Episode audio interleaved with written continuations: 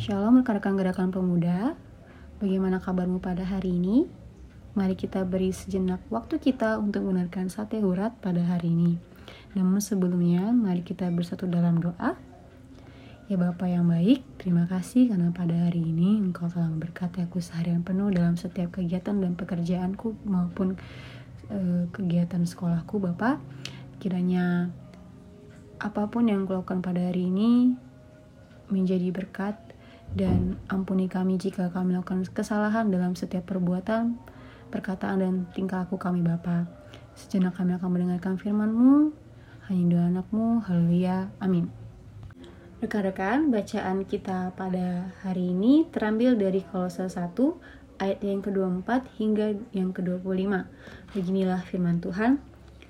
Sekarang aku bersuka cita bahwa aku boleh menderita karena kamu, dan menggenapkan dalam dagingku apa yang kurang pada penderitaan Kristus untuk tubuhnya yaitu jemaat. Aku telah menjadi pelayan jemaat itu sesuai dengan tugas yang dipercayakan Allah kepadaku untuk meneruskan firman-Nya dengan sepenuhnya kepada kamu. Siapa sih yang suka pada penderitaan? Kalau bisa, pergilah jauh-jauh daripadaku, sebab engkau bukanlah bestiku.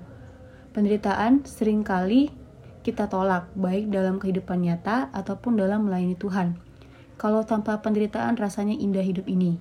Tetapi benarkah hidup ini seindah yang kita impikan, yaitu tanpa penderitaan?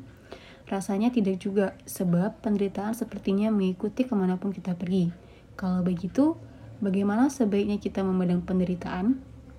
Sobat muda, belajar dari Rasul Paulus, ternyata dalam penderitaan untuk memberitakan Injil, dia tetap mampu bersuka cita.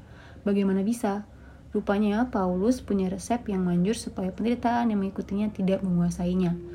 Cara Paulus mengatasi penderitaan adalah tetap teguh pada komitmen pelayanannya. Bagi Paulus, penderitaan yang ia tanggung justru memberi sukacita karena pemberitaan tentang Kristus sebagai Tuhan dan Juru Selamat terus memperkaya jemaat dengan berkat rohani. Merasakan penderitaan sebenarnya memberi ruang untuk menetapkan komitmen melayani dengan sungguh sambil menghayati penderitaan Kristus dalam pelayanan di tengah jemaat.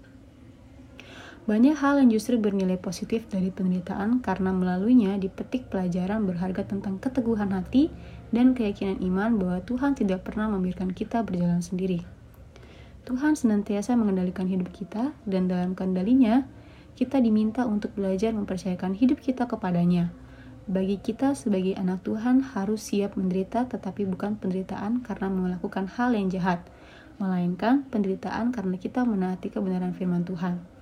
Mari kita isi pikiran dan perbuatan kita dengan melakukan kehendak Tuhan.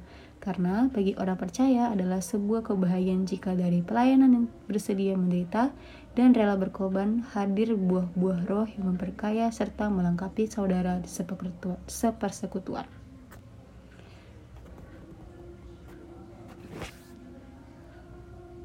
Rekan-rekan, mari satu dalam doa. Ya Bapak, terima kasih karena pada hari ini Engkau telah Memberkati kami dengan firman-Mu yang begitu luar biasa Tuhan tentang penderitaan berkorban melayani. Kiranya Tuhan kami bisa menjadi seperti Paulus.